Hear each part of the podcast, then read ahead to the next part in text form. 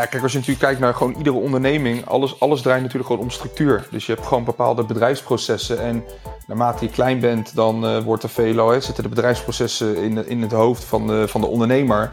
En naarmate je groter wordt, moeten die bedrijfsprocessen die moeten gestructureerd worden. Die moeten geautomatiseerd worden, er moet een bepaalde workflow inkomen. Leuk dat je weer luistert naar de Interieurclub podcast. Dit is alweer podcast nummer 33.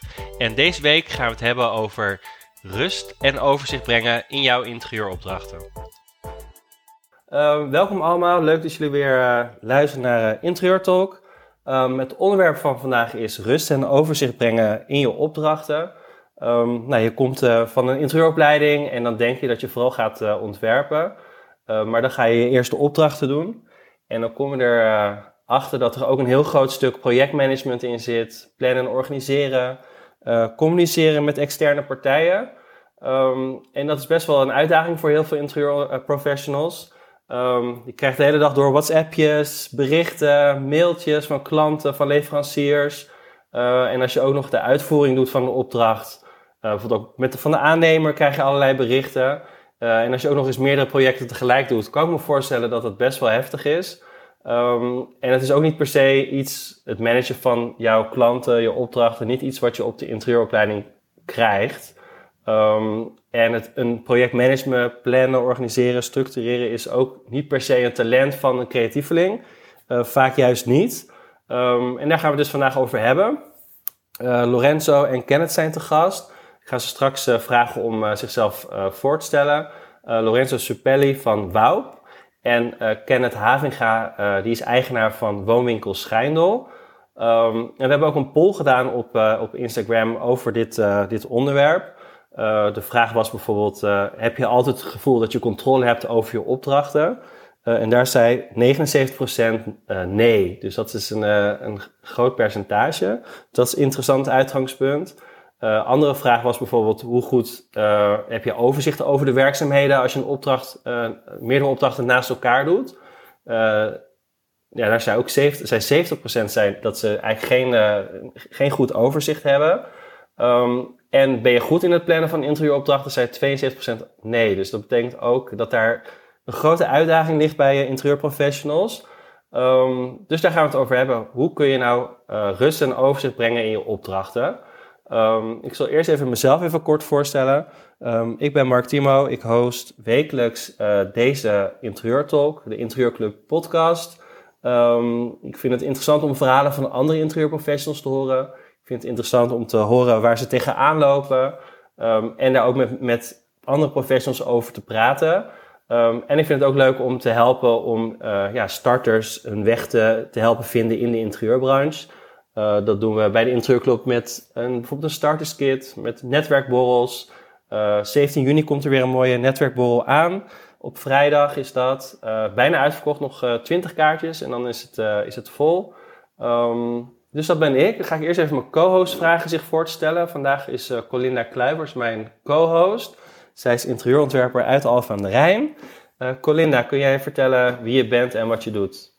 Nou ja, je zei het al inderdaad. Um, ik ben Clint Kluivers. Ik um, uh, woon en werk in Alphen aan de Rijn. Tenminste, werken is natuurlijk altijd een beetje omringend ook. Kan overal zijn. Um, ik uh, ben eigenaar van uh, Kluivers Interieur sinds 2011. Dus al best wel een tijdje weer. En daarnaast ben ik dit jaar MIC Interieur Design voor Men gestart.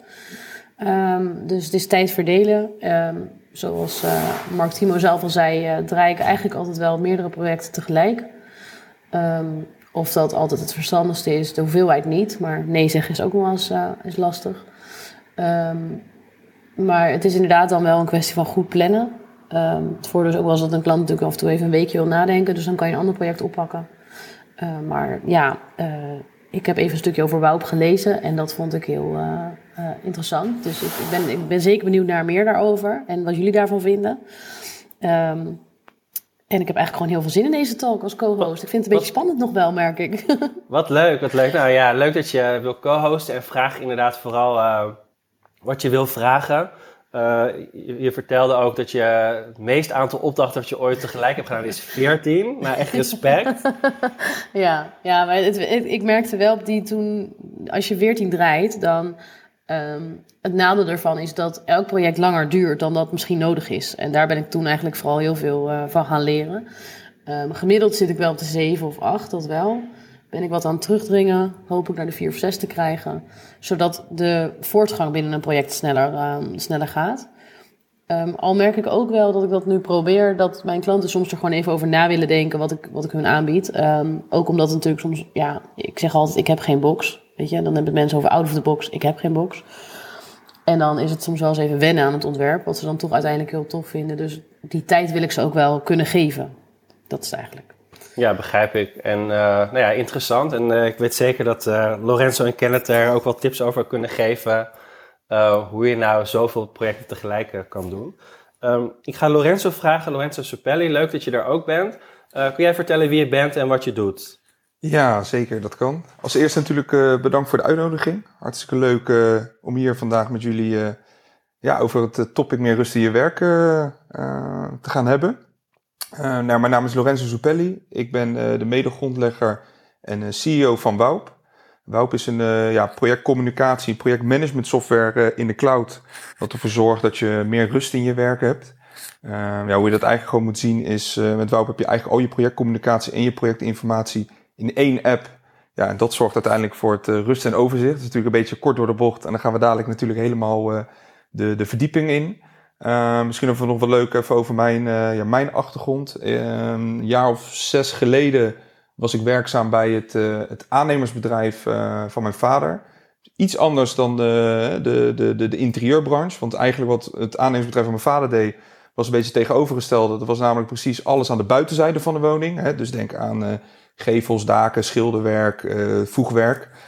En nou, ik was daar werkvoorbereider. Nou ja, daar in de interieurbranche hebben we natuurlijk ook met ja, legio aan werkvoorbereiders te maken.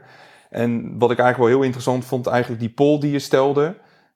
Over die aantal vragen, of, of je rust in je werk ervaarde en of je grip had op de planning. Nou ja, eigenlijk waar iedereen nee op antwoordde, dat ervaarde ik zelf ook ja, zes jaar geleden. En ja, toen ben ik uiteindelijk gaan zoeken. ik liep tegen een aantal problemen aan. En ja, ik kon niet de juiste tool vinden. Heel veel verschillende tools geprobeerd. En ja, zo kwamen we eigenlijk op het idee om het, om het zelf te gaan bouwen. En welke problemen liep je dan tegenaan?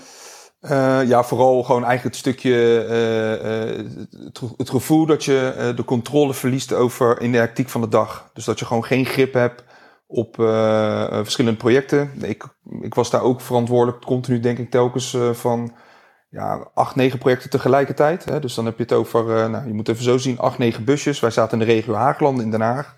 Die stuurde ik acht, negen verschillende teams aan, ook nog wat, wat onderaannemers. Ja, en uiteindelijk is dat hè, uh, overkoepelend. Uh, gewoon, tenminste, die problemen en de werkwijze is dat. er zijn wel wat details die verschillen. Maar in de algemeenheid heb je natuurlijk gewoon communicatie. Je hebt te maken met verschillende schakels. Je hebt te maken met heel veel dingen die je op een dag moet doen, die je moet onthouden, die je niet mag vergeten. Ja, als je dan niet de juiste werkwijze hebt of niet de juiste structuren, ja, dan, ja, dan loop je achter de feiten aan. Dat was wel destijds het geval. Ja, achter de feiten. En er gaat ook heel veel mis. Dat merk je ook altijd in, de, in de projecten. Hoeveel geld je eigenlijk zou kunnen besparen en hoeveel tijd, uh, als je het goed zou plannen, is echt uh, ongelooflijk. Um, en, um, want werkvoorbereider, kun je kort uitleggen wat een werkvoorbereider doet? Ja, zeker. Uh, nou, eigenlijk komt de werkvoorbereider natuurlijk uh, in de fase na de, ja, zeg maar de, de, de offerte slash calculatiefase. Dus op het moment als daar een uh, offerte akkoord wordt bevonden door de opdrachtgever, dan schuift hij eigenlijk door naar de werkvoorbereider. En hangt een beetje af natuurlijk van de bedrijfsgrootte, maar uh, om even mensen een beeld te geven van de organisatie. Uh, wij hadden drie mensen op kantoor en ongeveer 20 mensen in de, in de buitendienst, waarvan 14, 15 vaste kern en 5 onderaannemers. Ja, en als werkvoorbereider ben je eigenlijk de spin in het web. Hè? Dus het begint natuurlijk eigenlijk al bij, bij een stukje planning. En vanuit daar uh, ga je het werk voorbereiden. Zorgen dat alles in goede banen wordt gedaan. Hè. Uiteindelijk moet je natuurlijk ervoor zorgen dat de informatie die jij tot je beschikking hebt gekregen vanuit de offerte, vanuit de opdrachtgever, dat die op een juiste manier terechtkomt bij de mensen uh, in de uitvoering, hè, op, op de bouw. Ja, en daar zit het hem uiteindelijk in. Want uiteindelijk wil je natuurlijk gewoon als bedrijf zijnde inderdaad met zo min mogelijk tijd en middelen wil je een project in goede banen leiden. Ja, alleen de realiteit helaas is inderdaad dat dat... Uh, dat daar inderdaad een hele hoop misgaat. En uh, ja, we hebben heel veel onderzoek ook gedaan naar, naar faalkosten. En ja, gemiddeld blijkt, en in de interieurbranche ligt het zelfs nog iets hoger, omdat je natuurlijk daar heel veel met maatwerk te maken hebt. Maar in de gemiddeld bij bedrijven in de bouw ligt de faalkosten gemiddeld op 10%. En bij een interieurbranche loopt die zelfs wel op naar de 15% aan faalkosten ten opzichte van de jaarlijkse omzet. Ja, wauw, dat is, dat is een hoop. En uh, ja. En uh, een interieurprofessional die, die bij ons vaak uh, luisteren zijn, die hebben vaak geen werkvoorbereider. Die doen eigenlijk alles zelf. Um, en dus die komen van een interieuropleiding af en die gaan voor zichzelf aan de slag. Um, en dan kom je erachter dat, dat je ook nog eens moet gaan, projecten moet gaan managen en klanten moet gaan managen. Um, en dat is super heftig soms. En dat zien wij ook. We krijgen veel vragen vaak over. En dan gaan er dingen mis met klanten. En hoe moet ik dit nou oplossen? En het zit hem vaak in een goede communicatie, goede structuur, duidelijk naar klanten zijn.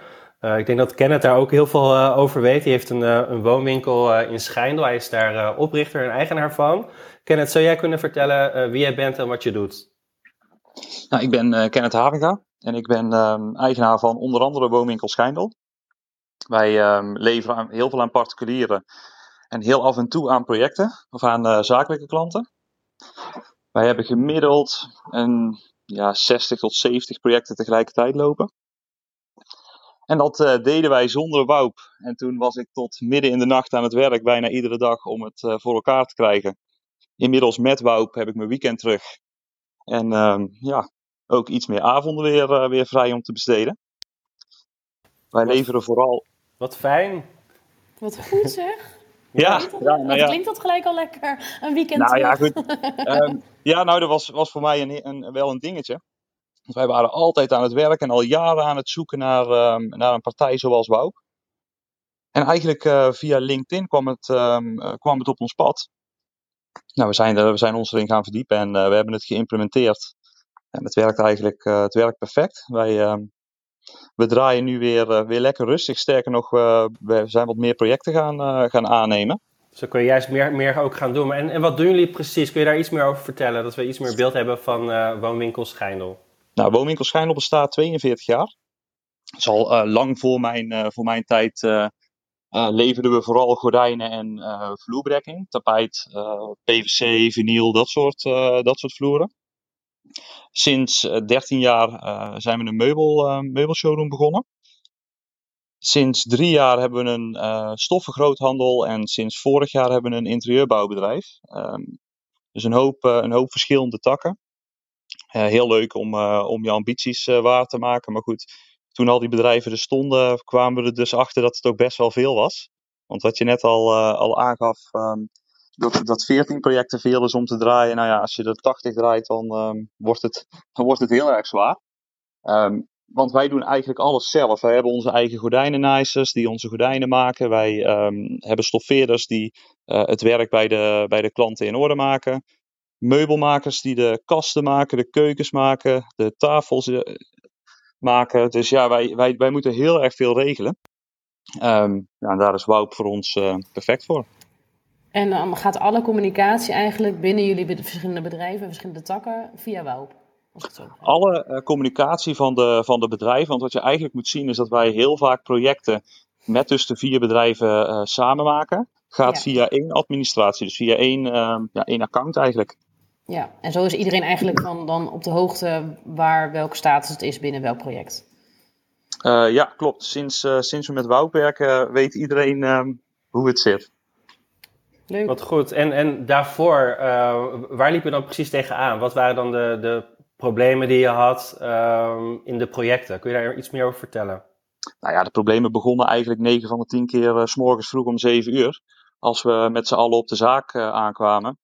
Dat, ehm, ja, ik was er meestal al eerder om te zorgen dat er toch nog iets van een, eh, een structuur in, eh, in zat.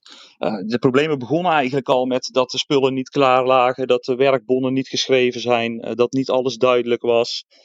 Ja, de bestellingen waren niet op tijd binnen, klanten waren niet op de hoogte hoe laat we zouden komen eigenlijk dat soort, ik denk een beetje standaard problemen waar bijna iedere ehm, partij in onze branche tegenaan loopt. Heb jij dat ook, Colinda? Zijn dat de, de, de dingen? Want jij zei, nou, ik, doe, dus, ik heb dus mijn meeste aantal keer, meestal aantal opdrachten is 14. Ja, Eh, ik moet wel eerlijk zeggen dat ik... En jij doet het alleen natuurlijk. Ja, maar het grappige is, wat Kenneth vertelt, ik werk ook nog in een woningstof, of ja, eigenlijk in een, in een uh, woninginrichter. en um, dat van zeven uur die bronnen klaar, niet geschreven, dat soort dingen. Dat, dat, ik, ja, er vallen heel veel linkjes, dus dat is heel grappig. Um, en ik doe inderdaad al 14 projecten alleen. Alleen ik moet heel eerlijk bekennen dat ik eigenlijk altijd echt um, ja, de projectbegeleiding, zeg maar, nooit heel erg op me heb gepakt. Dus ik um, zoek de meubels uit en ik uh, geef mijn klanten een soort van boodschappenlijst waar ze wat kunnen halen. En natuurlijk ben ik dan wel in uitvoering uh, soms het aanspreekpunt, maar 9 van de 10 keer bij mij is het zo dat mijn vader en mijn broer de, de wanden afwerken. Uh, dus dat is makkelijker schakelen. Um, en de uh, vloeren worden 9 ja, veelal wel door mijn vaste werkgever gedaan. Dus ik heb eigenlijk een soort van klein netwerkje omheen die dan dicht bij mij staan, waardoor het makkelijker schakelen is. Uh, maar met echt aannemers en zo vind ik dat toch nog steeds wel een ding. Ik, ja, begrijp uh, ik. toch ja. dat die communicatie niet altijd lekker gaat. En eigenlijk zorg ik altijd voor dat ik een keer met mijn klant en met de uh, aannemers dan op locatie ben, alles doorloop. En nog merk je dan dat er dingen anders worden gemaakt, anders worden gedaan. En achteraf ik te horen krijg, of als ik er weer even een keer aanwaai, uh, te horen krijg, ja, uh, ja, nee, ja, we hebben het toch maar zo gedaan, want het kon niet anders. dacht ik, ja, maar waarom bellen jullie dan niet? Dus, dus, dus er, dan, de mis is de communicatie. Dus jij, jij doet wel de advies, maar in doet, soms doe je dan ook uitvoering begeleiden? Um, ja, ik noem het eigenlijk niet echt uitvoering begeleiding. Ik noem het meer dat ik altijd gewoon even aanwaai bij de uitvoering. En ik heb dan natuurlijk de mensen omheen naar wie ik ze stuur. Dus een paar bepaalde aannemers met wie ik samen heb gewerkt. Waarvan ik denk, nou, dat is goed bevallen. Um, maar dat regelt wel mijn klant zelf. Ja. Alleen ik blijf een soort van aan de zijlijn toekijken, meekijken. En ik zorg dan inderdaad wel dat ik een keer ter plaatse ben. Maar ja, je kan gewoon niet 24-7 op zo'n bouwplaats lopen om te zien dat alles precies zo gaat zoals jij het hebt ontworpen. Daarin merk ik wel dat communicatie beter kan. En ik denk dat Wout daar een absolute uh, uh, ja, hit in kan zijn. Uh, en zeker als ik het zo hoor van Kenneth, dat het dus voor hun ook heel veel heeft gewerkt. En ja, wat ik zeg, ik was alleen maar projecten aan het terugschroeven in hoeveelheid. Maar wellicht is het dan wel een optie om er iets meer aan te kunnen nemen. Nou, wat wij, wat wij vooral merkten in, uh, met de mensen waar we mee werken, is dat ze een hele hoop communiceren met, uh, met de klant. Dus dan praat ik over de partijen waar we mee samenwerken met onze, met onze groothandel. Dus er wordt heel veel gecommuniceerd met de klant. Maar het wordt op ja, het wordt via WhatsApp of via de telefoon of via de mail wordt het aan, uh, aan ons doorgegeven.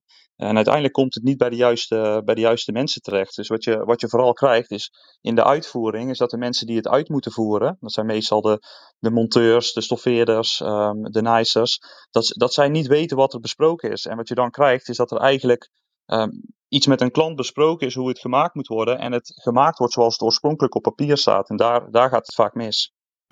Ja, dat klopt, dat herken ik wel. En wat ik ook wel heel erg heb, is dat dan uh, bijvoorbeeld stel dat er nog bij een klant iets afgemaakt uh, moet worden.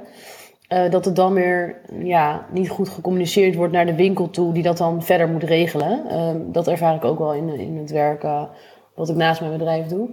Um, dus ik denk dat het twee kanten op kan en beter kan voor, voor alle partijen.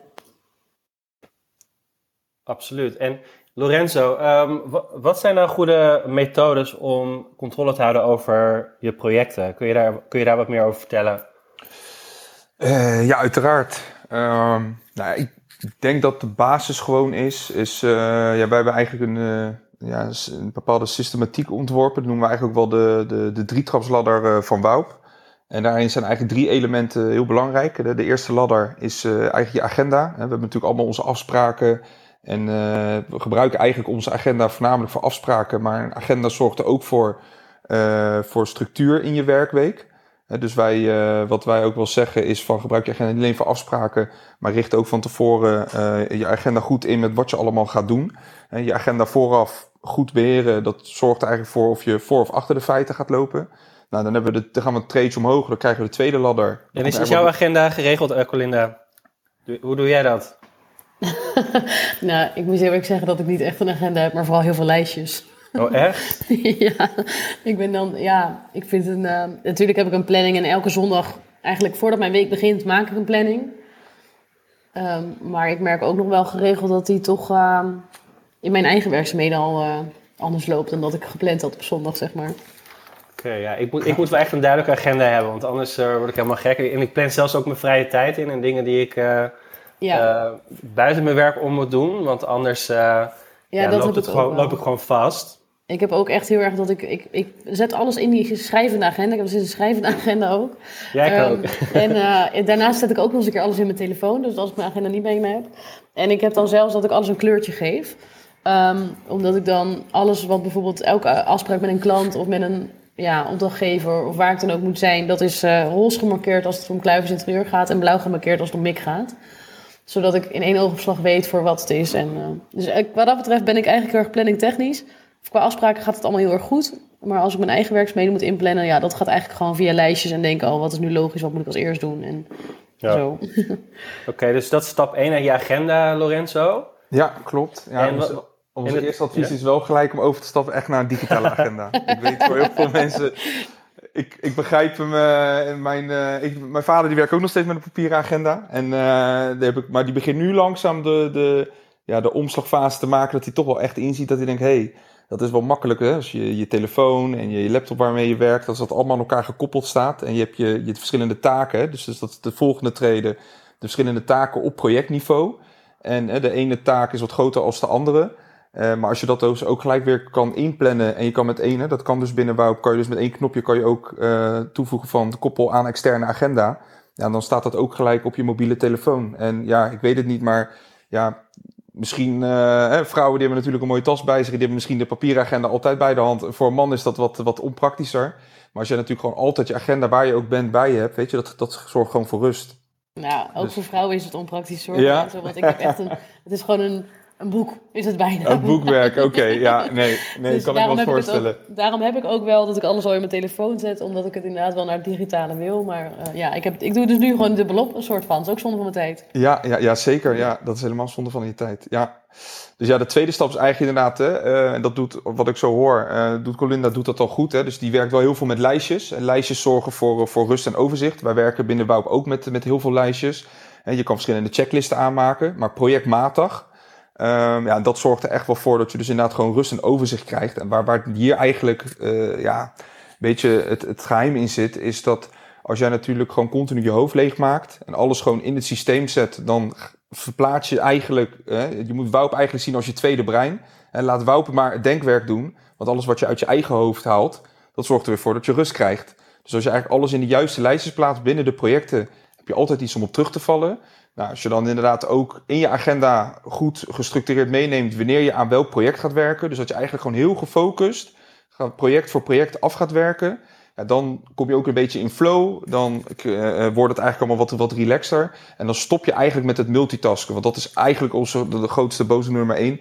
Ja. Dus op het moment als we gaan multitasken, ja, dan gaan we stress ervaren. Ja, absoluut. absoluut. Ja, ik, ik geef ook altijd advies om, de, om je projecten of je opdrachten, hoe klein ook, in verschillende fases op te delen. En daar weer je taken aan te verbinden, zodat het veel overzichtelijker is wat je nou per project moet doen. Ehm, en dat je dus ook een planning kan maken wanneer je bijvoorbeeld volgende projecten kan aannemen. Ja. Eh, en ik zie inderdaad eh, mensen gewoon beginnen zonder lijstjes. Eh, en dan kom je ook in de problemen, ook omdat je de klanten niet kan voorbereiden wat er gaat komen. Ja. Kenneth, kun je daar misschien wat meer over vertellen? Nou ja, je vraagt het aan iemand die eh, zichzelf bestempelt als een ondernemer en alles behalve als een organisator. Oké. Ehm, ik, ik heb een paar jaar geleden geleerd dat ik eh, mensen aan moet nemen die eh, dat voor me doen. Dus ja, ik, ik, kan er wel het, ik kan er wel het een en ander over vertellen, maar vooral ehm, wat ik zelf niet kan.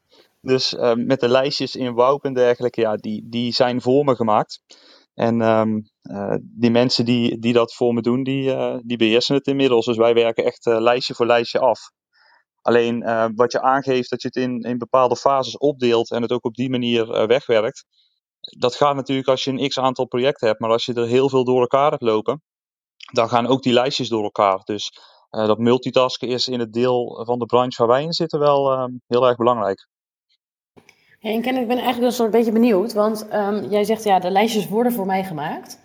Ja, klopt. Ehm, betekent dat dan ook dat, dat meerdere mensen in één zo'n checklist bijvoorbeeld kunnen ehm, die hem alsmaar aanvullen? Want ik kan me voorstellen als meerdere mensen met een project bezig zijn, zij alles allemaal eh, in Wout gaan zetten om de beurt, dat het misschien alsnog een beetje onoverzichtelijk raakt. Maar hoe is jouw ervaring daarin? Want daar was ik eigenlijk heel benieuwd naar.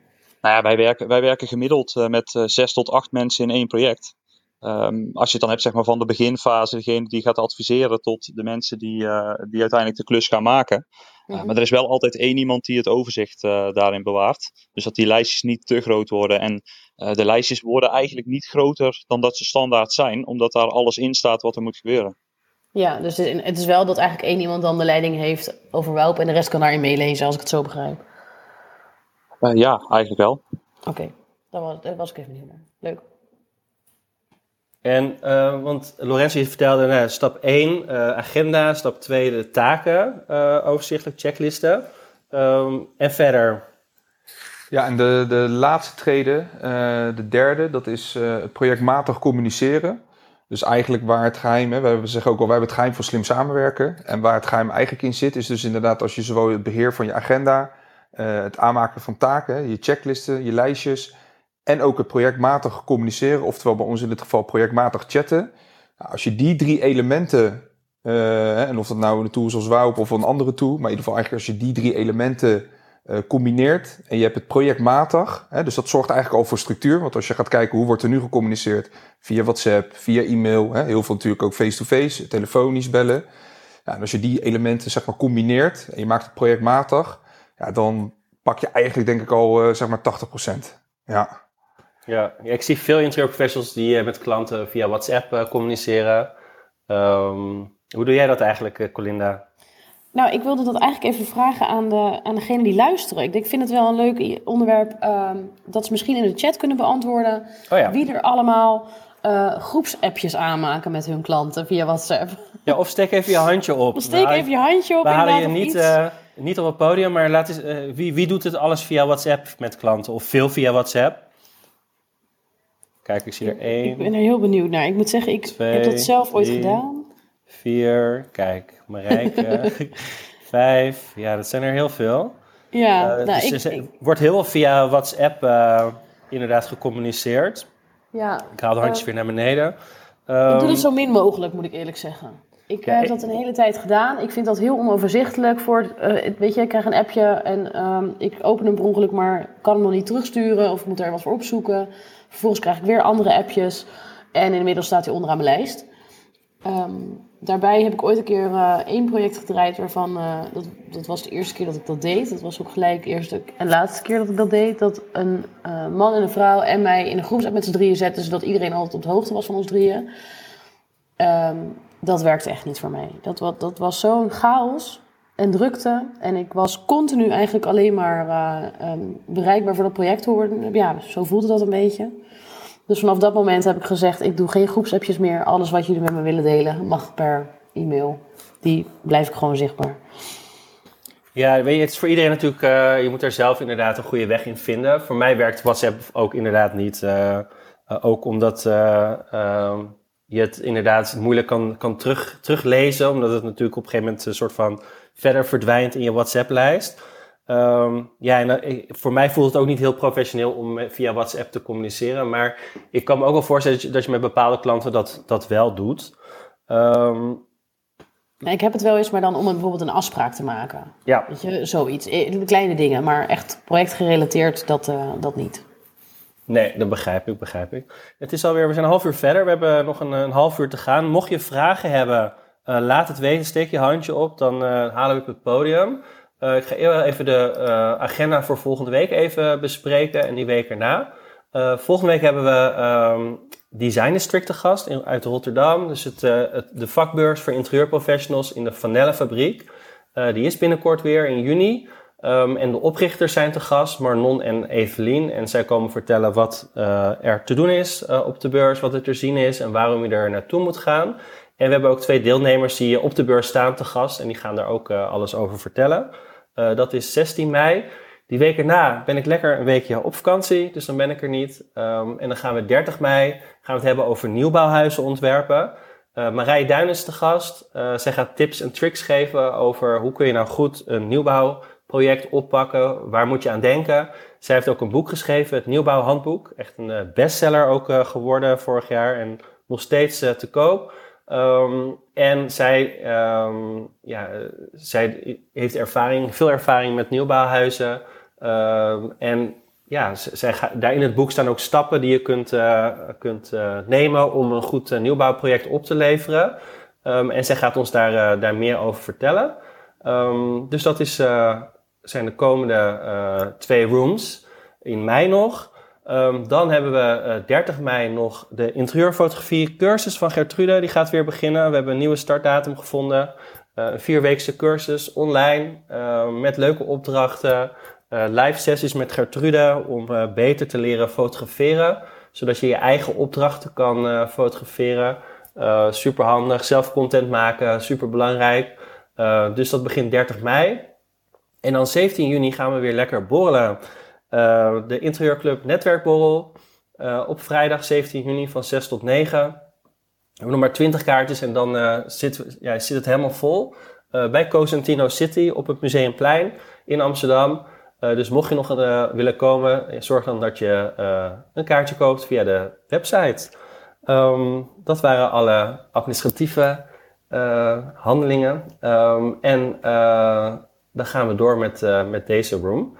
Um, ja, ik ben heel benieuwd, uh, Lorenzo. Hoe is WOUP eigenlijk uh, ontstaan? Je vertelde al dat je bij je vader in het aannemersbedrijf werkte. en daar ja, tegen problemen aanliep. Um, kun je daar wat meer over vertellen? En met wie doe je het en, en hoe, hoe zit het in elkaar? Ja, zeker. Um, nou ja, zoals ik het, val ik nu een klein beetje inhalen, maar misschien even wat interessant wat achtergrond. Hè, dat bij het aannemersbedrijf van mijn vader was natuurlijk daar werkvoorbereider. En uh, ja, ik zelf uh, was toen echt wel echt goed uh, het grip en het overzicht kwijtgeraakt. Ik zat zelfs bijna tegen een, tegen een burn-out ervaring aan. Dus dat was best wel, ja, best wel heftig. Um, gelukkig niet helemaal. Dus het scheelt dat ik niet uit de relatie of iets was. Maar ik was wel heel erg ervan bewust, nou, eigenlijk ook van mijn eigen lichaam, dat ik dacht van, hé, hey, um, wat gebeurt hier nou eigenlijk en, en hoe, hoe komt dit nou? Dan kom ik zo misschien, is een, wel interessant daar eh, kom ik zo nog even wat verder op terug.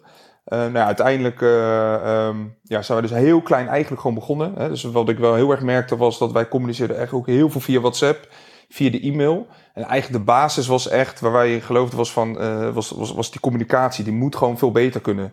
Dus toen dachten wij van, nou ja, dan gaan we gewoon een, iets van een projectchat gaan we maken. Dus we zijn eigenlijk heel klein begonnen. Samen met mijn compagnon Stefan van Jolen. Um, zijn we letterlijk de, de stijgers opgegaan hadden we Stefan, die heeft een grafische achtergrond. Die is ook een designer, dus er zat iets in mijn hoofd. Ik zei, nou, kunnen we dit en dit maken? Hij kon dat designen. En toen hebben we dus via Sketch hebben we een soort van prototype gemaakt. Clickable, dus er was nog geen IT of iets aan te pas gekomen om de software te maken. Toen zijn we letterlijk de stijger opgegaan. Hebben we dus met die bouwvakkers hebben we gezegd, nou, als je hierop klikt, wat verwacht je dan? Hè? Dus we hadden ook zoiets van, hey, als we dit werkzaam willen kunnen maken, we weten waarmee we te maken hebben qua doelgroep. Hè? Toch wel met mensen die veelal veel met hun handen werken, die hele prachtige dingen maken. Dan moet het ook gewoon simpel en effectief zijn. Ja, zo eigenlijk zijn we dat verder gaan uitrollen. Toen uh, kregen we, nou ja, wat was het, vier, vijf jaar geleden onze eerste klanten. Draaiden we wat Facebook ads, uh, wat LinkedIn ads. En ja, zo kom je eigenlijk met de eerste klanten. En eigenlijk vanaf dat moment hebben we samen met al onze klanten, we zeggen ook van, ja, we hebben geen klanten, hebben eigenlijk alleen maar fans hebben we samen met, uh, uh, ja, eigenlijk met onze partners, zo noemen we het eigenlijk wel, zijn we verder gaan uh, ontwikkelen. Ja, en als je dan eigenlijk kijkt naar projectcommunicatie, een stukje projectmanagement, ja, dan is alleen een WhatsApp of een chat, dat is eigenlijk gewoon veel te weinig. Hè? Dat zijn eigenlijk ook helemaal, die tools zijn eigenlijk ook niet geschikt ervoor om complexe projecten te managen. Hè? Want je hebt te maken met veel meer verschillende schakels. dus ja, uiteindelijk als je dan gaat kijken van oké, wat, wat is WOUP? Eigenlijk is WOUP een hele grote verzamelbak van heel veel uh, verschillende mini-tools. Hè. Dus dan heb je het over checklisten, dan heb je het over een chat, maar ook over een stukje uh, urenregistratie, een stukje planning. Um, ja, zo heb je dus eigenlijk veel meer grip en controle op je, uh, ja, krijg je die over je projecten. Wat goed. Um, ik zie dat we iemand op het podium hebben staan, Marlin. Marlin heeft een vraag in de chat gesteld of de app ook in het Engels is. Zeker, hele, hele goede vraag. Uh, nee, op dit moment is de app nog niet in het Engels. We hebben wel voor een aantal klanten is de app nu vertaald in het Frans. Maar het staat wel bij ons op de planning om die na de zomer uh, ook in het Engels te vertalen. Dus dat is, zeg maar, najaar is dat zeker mogelijk. Ik ben blij dat hij er in het Engels is, want dan is het ook makkelijker communiceren in het buitenland met, met iedereen. Dus heel fijn, bedankt. Jij doet veel projecten in het buitenland. Nou, ik doe onder andere projecten in het buitenland. Dus eh, ja. En waar, waar loop jij tegenaan eh met, met projectmanagement, met structureren van een, eh, van, een, van, een, ja, van een project, van een opdracht? Nou, voornamelijk inderdaad de communicatie. En ook de communicatie met eh, eh, mensen die producten moeten leveren. eh, die, die, zich, eh, ehm, eh, die zich niet houden aan de, de termijn waarop er geleverd moet worden. Waardoor je weer moet schuiven met je projecten. En waardoor je weer in problemen komt met andere projecten. Ehm, of eh, opleverdata van huizen die of vervroegen of die verlaten. Ehm, daardoor ehm, ja, moet je soms in, eh, in heel veel bochten wringen als je meerdere projecten hebt lopen. Ja, en, en hoe doe je dat dan nu? Eh, hoe, structureer, hoe structureer je dat? Nou, ik doe precies hetzelfde als wat je. ik ben heel even naar, naar Colinda? Ja, Ja? Colinda. eh, ik, ik, ik heb een schrift, ik heb een agenda. En ik heb inderdaad, ik zet het in mijn telefoon. En het lastige is inderdaad ook met app om terug te zoeken. Wat heb ik nou afgesproken met de klant? Hoe zat het ook alweer? Eh, en via de mail. En, eh, eh, dit lijkt me echt een uitstekende oplossing eh, als ik dit zo hoor. Ik ga er in ieder geval naar kijken. Eh, of dit iets is voor, voor mij eh, ehm, ja, om, om beter te kunnen werken. Leuk, dankjewel Ja, eh, ja. voor je Ik heb toevoeging. eigenlijk ook nog wel een vraag. Eigenlijk Ja, vertel. voor Kenneth en voor Lorenzo allebei één eigenlijk. Ieder een hele andere vraag. Ehm eh, Wauw, ja, ik bedoel zeggen, daar, daar moeten kosten aan vastzitten. Gaat het op abonnementsbasis? Schaf je het in één keer aan? Ehm, stel dat je daarmee wil gaan werken. Hoe gaat dat? En wat zijn dan ongeveer de prijzen waar je aan moet denken? Zal ik daar eh, antwoord op geven? Ehm, nou, het verschilt heel erg per, per pakket. Dus, dus voornamelijk waar we het net over hebben gehad, de basis. Hè, dus dan hebben we het over eh, je agenda, taken eh, en de communicatie, de chat. Dat zit in Woup Standaard. Het is, we werken met een abonnementsvorm, dus betaal je 14,50 euro eh, per gebruiker per maand. Dan hebben we ook nog Woup Compleet. Dan heb je ook nog een stukje urenregistratie erbij. Dan kunnen ze de, de mensen in de werkvloer kunnen een uren registreren. En een stukje automatische nakalculatie. Dan ben je 18,50 euro per gebruiker per maand kwijt. En dan hebben we ook nog een planningsmodule die je daaraan kan toevoegen. En dan kom je Wow Pro en dan ben je 24,50 euro eh, per gebruiker per maand eh, kwijt. Oké, dus als ik het zo begrijp, is dat gewoon inderdaad per degene die de, e- de app heeft, die, ehm, die, daar betaal je voor. Ja, Maar dat, zijn klopt. best wel schappelijke prijzen als ik het zo hoor. Dat vinden wij ook. I- Ja, kan daar ben ik voor mee zich bepalen, maar ik moet zeggen dat ik het, eh, ik had het niet zo verwacht, laat ik het zo zeggen. Nou, ik, ik denk dat je eerder moet, eh, moet kijken naar, eh, niet, niet zozeer naar wat de app kost, maar wat het je, wat het je bespaart. Want Dat ehm, als, als ik naar mezelf kijk, wij zijn, eh, wij zijn gewoon één werkvoorbereider ehm, ja, eigenlijk kwijtgespeeld door met Wout te gaan werken. Dus uiteindelijk kost het ons ehm, ja, een x bedrag. Ik geloof een paar duizend euro als ik het op jaarbasis ga kijken. Maar het levert me gewoon een tienvoud daarvan op. Ja, dus dat is wel, wel interessant. Inderdaad, dat kan je, kan je geld eh, besparen. Ehm, en ik zie inderdaad veel starters die, en dat begrijp ik ook als je één of twee projecten hebt, eh, dat je het inderdaad met kladjes misschien doet en inderdaad toch op een andere manier eh, doet. Maar als je echt wil, je bedrijf wil ontwikkelen, je interieurbedrijf echt wil professionaliseren ehm, en echt grip en controle wil houden op je opdrachten, zul je wel naar een systeem moeten kijken om al die projecten te managen. Eh, wil je iets toevoegen, Colina? Ja, want dan is het natuurlijk wel noodzakelijk dat ehm, degene met wie je om je heen werkt, dat ook doen. Je moet ook wou op hebben. Ja, hoe zit dat in elkaar, Anders heb je er eigenlijk niks aan. Ja, nou ja, daar hebben we natuurlijk een, eh, een hele mooie geniale oplossing voor. Het is zo dat eh, het is, eh, je betaalt natuurlijk voor je eigen organisatie. Dus ook af, hè, dat is ook zowel zo eerlijk. Dus werk jij met z'n vijf en, dan, hè, dan, en iedereen heeft de app nodig, dan heb je vijf licenties. Werk je met z'n tien en tien ja, en ga zo maar door.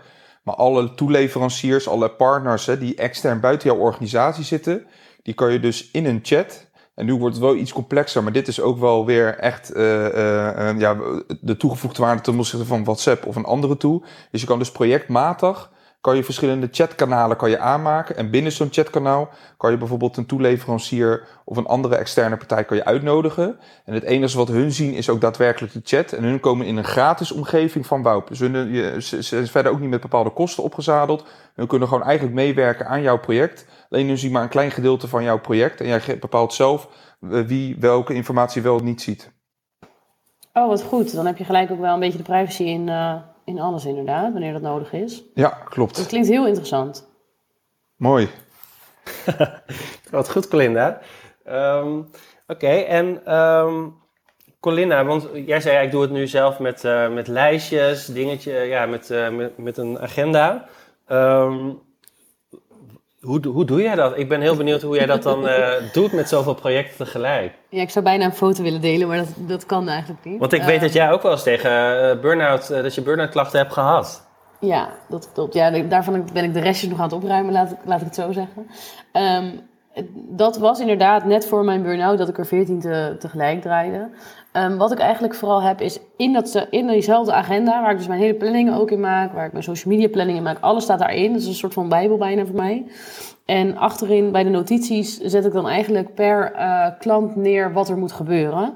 En um, ik werk net zoals jou in fases, om het zowel duidelijk voor mezelf te hebben als voor mijn klant, wanneer ik wat uh, moet doen. Um, dus ik schrijf eigenlijk elke fase daarin op en ik kan hem doorstrepen als ik het gedaan heb. En zo weet ik eigenlijk in één overzicht wat, wat, ja, wat er gebeurt en wat er nog open staat en wat ik nog voor welke klant moet doen. Oké. En Lorenzo, je had het net over uh, faalkosten. Kun je daar nog wat meer over vertellen?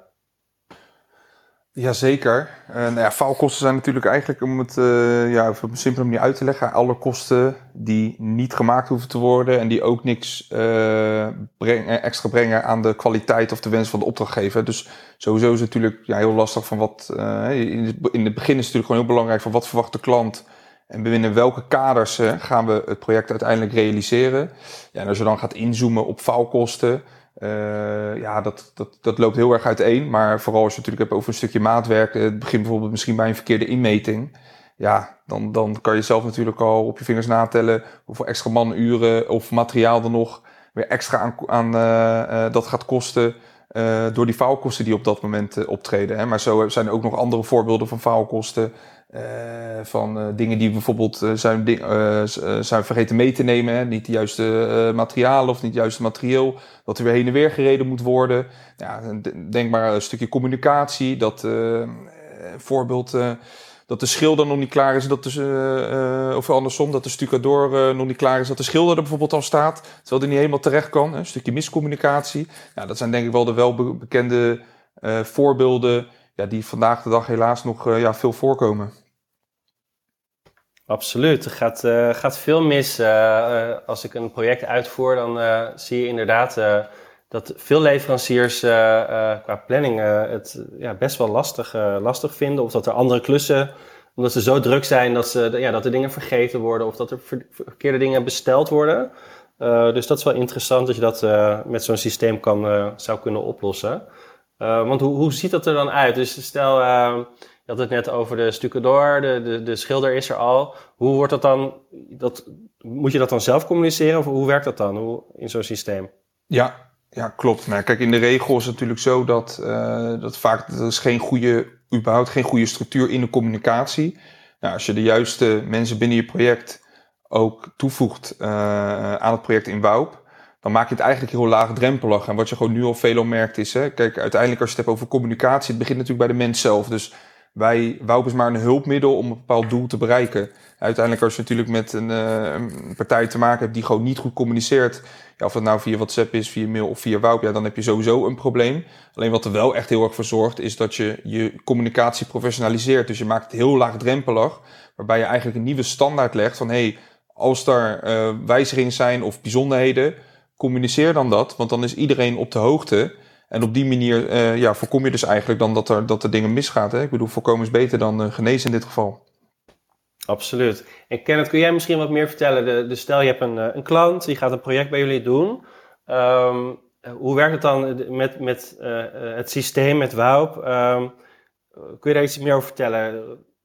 Bedoel je, bedoel je de communicatie met de ja, klant of de ja, interne communicatie? Eigenlijk, eigenlijk alles. Je zet zo'n project dan in Wout neer. Of hoe, hoe werkt dat dan? Uh, uh, de interne communicatie, is het alleen intern of krijgt de klant ook berichten? Hoe, nou, wij, wij, wij hebben de eerste maanden hebben het vooral gebruikt om intern uh, te communiceren. En nu zijn we eigenlijk langzaamaan de consument aan het opvoeden. Om ook in die app te gaan, te gaan communiceren met ons. Valt niet mee, moet ik eerlijk zeggen, want consumenten zijn gewend aan WhatsApp, mail, telefoon. Uh, dus als je nu in een chat wil gaan communiceren, dan zien ze dat toch als een bepaalde afstand. Dus dan moet je wel echt heel erg duidelijk uitleggen waarom je dat wil doen. Dus dat het juist ten gunste van de klant is om, om op die manier te gaan, uh, te gaan werken. Alleen wij, wij gaan gewoon eigenlijk het traject af. Dus wij, wij beginnen met een adviesgesprek. Uh, na het adviesgesprek maken we een offerte. Um, als die offerte akkoord gegeven wordt, dan hebben we een werkvoorbereidingslijst. En uiteindelijk gaan we leveren. En ja, daarin staan heel veel stappen. Dus wat we sowieso moeten doen om überhaupt tot een levering te kunnen, te kunnen komen. Um, op het moment als wij, um, als wij een offerte akkoord gekregen hebben, dan voegen we een klant toe in een chat. En vanaf dat moment gaan wij met een klant uh, communiceren. In de chat. Interessant. Colinda, wilde jij inhaken? Um, nee, ik ging even foutje, nee? sorry. Oh, nee, maakt niet uit. Maar wel, het is zeker interessant. En zeker omdat je het dan ook naar je klanten dus... Um, daar sta ik eigenlijk een soort van even van te kijken. Dat je dat zo ver in, ja, planteert in je bedrijf... Um, ja. dat het ook naar de klanten gaat. En ik kan me voorstellen dat inderdaad klanten het heel snel bij WhatsApp houden. Ja, maar dat, dan, uh, dan moet je streng zijn. Dan moet ja, je dus streng zijn naar je, naar je klanten. We, klanten we mogen ook wel ja, we moeten als, um, als winkels, als interieurprofessionals, eigenlijk als vakmensen, moeten we wel accepteren dat we ook streng mogen zijn voor onze klant. Want als je streng bent voor je klant, dan zorg je er uiteindelijk voor dat de levering veel strakker gaat. En dat doe je dus met Woup. Want als, um, als de klant in Woup een vraag stelt, dan komt die vraag niet alleen bij mij terecht, maar ook bij de andere mensen in de organisatie die betrokken zijn bij het project.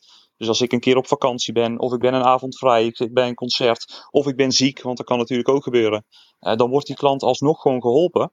Uh, want de vraag wordt beantwoord door iemand anders. Als die ziet dat ik er niet ben of dat, um, uh, dat ik niet kan antwoorden uh, en de klant heeft een dringende vraag, dan wordt dat veel sneller opgepakt dan dat ze mij een mailtje sturen, want die mail die ligt dan een dag stil.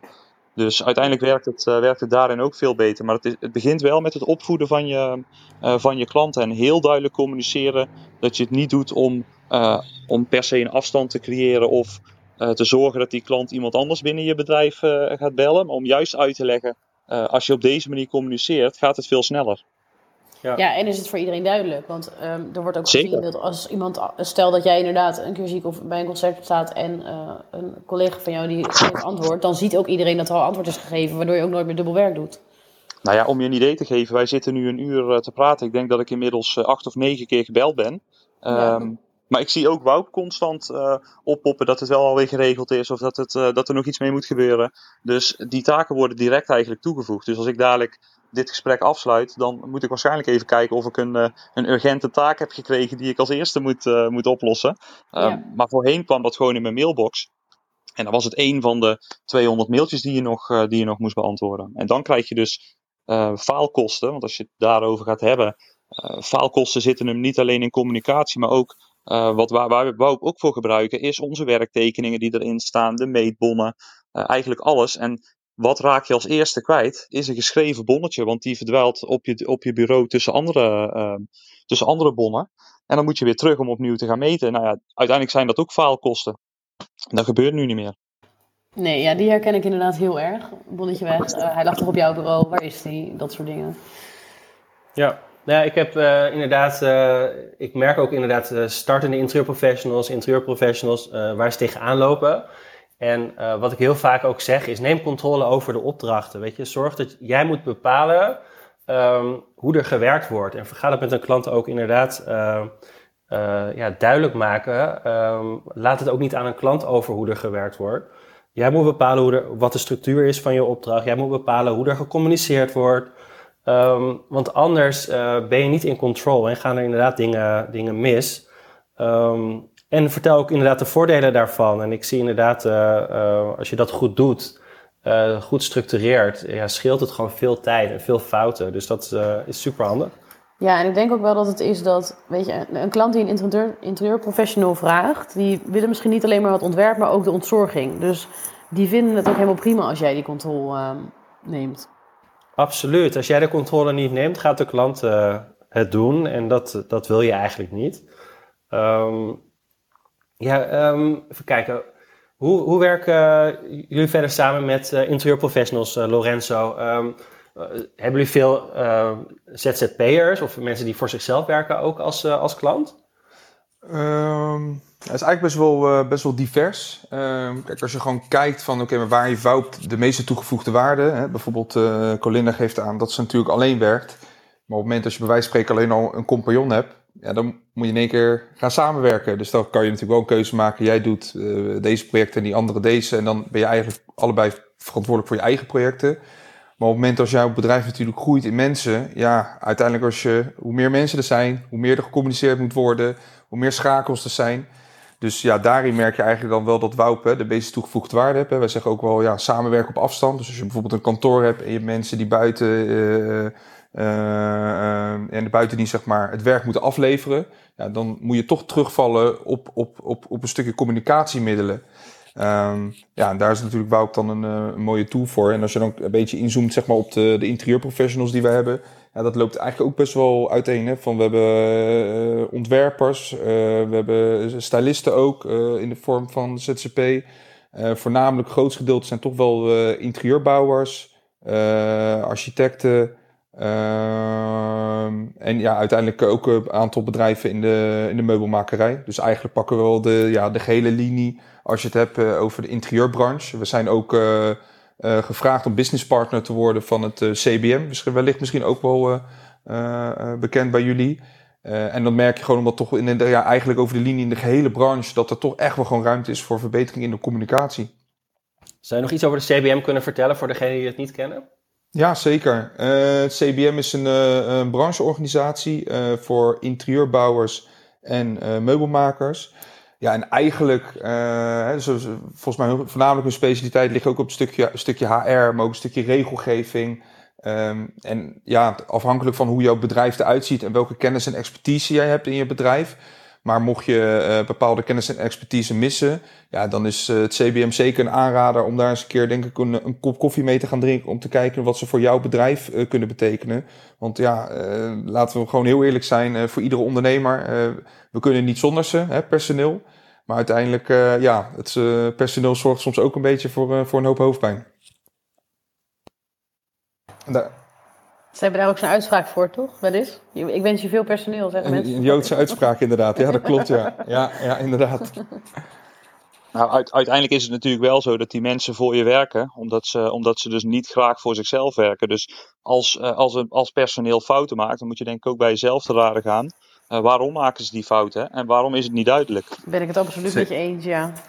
Ja, 100%. Uiteindelijk ben jij uh, als, uh, als eigenaar 100% verantwoordelijk voor wat er, uh, wat er onder je gebeurt.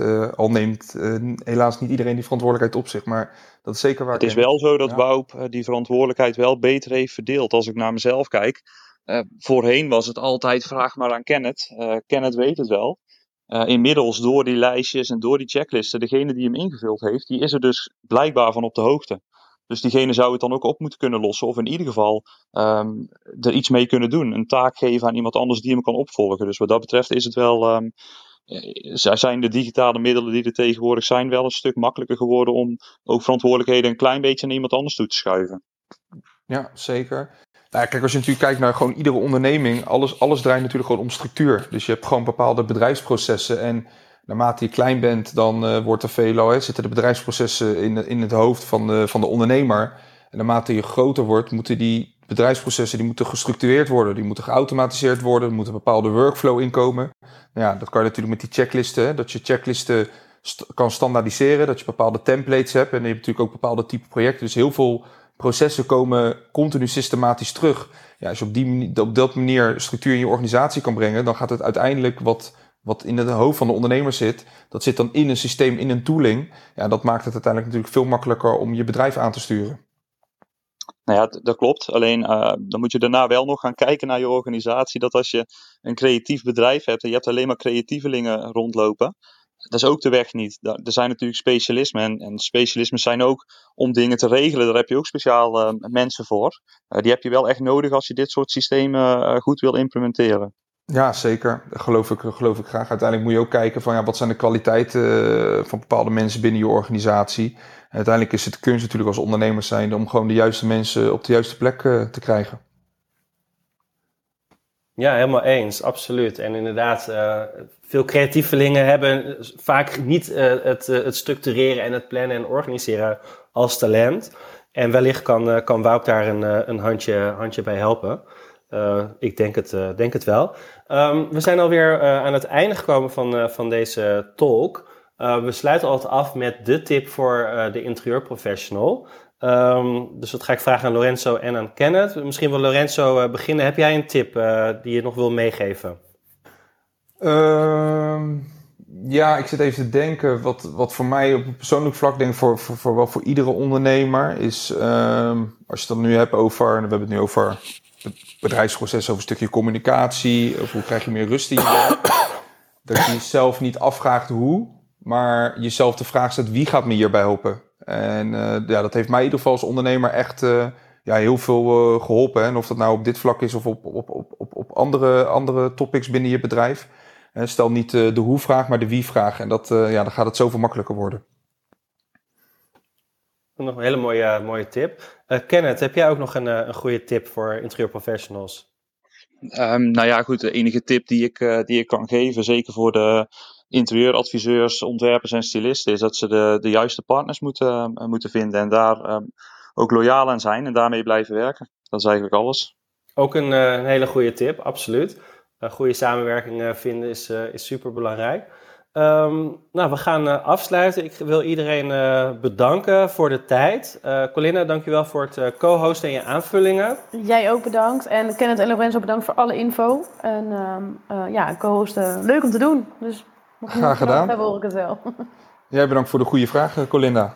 ja, inderdaad. En uh, Kenneth ook, dankjewel. En uh, uh, ja, leuk om, om jouw verhaal te horen en ook hoe jij werkt met, met Woup. bedankt voor je tijd. Succes ja. met, met alle chatberichten die net binnen zijn gekomen. en Lorenzo ook heel erg bedankt. Succes met, met Woup en bedankt ook voor je tijd. Dankjewel. Jij ook bedankt, Mark. Was, was erg leuk. Super. Nou, ik wens iedereen een, een hele fijne dag en uh, bedankt voor het luisteren en tot uh, volgende week. Dat was hem weer, de Interieurclub podcast.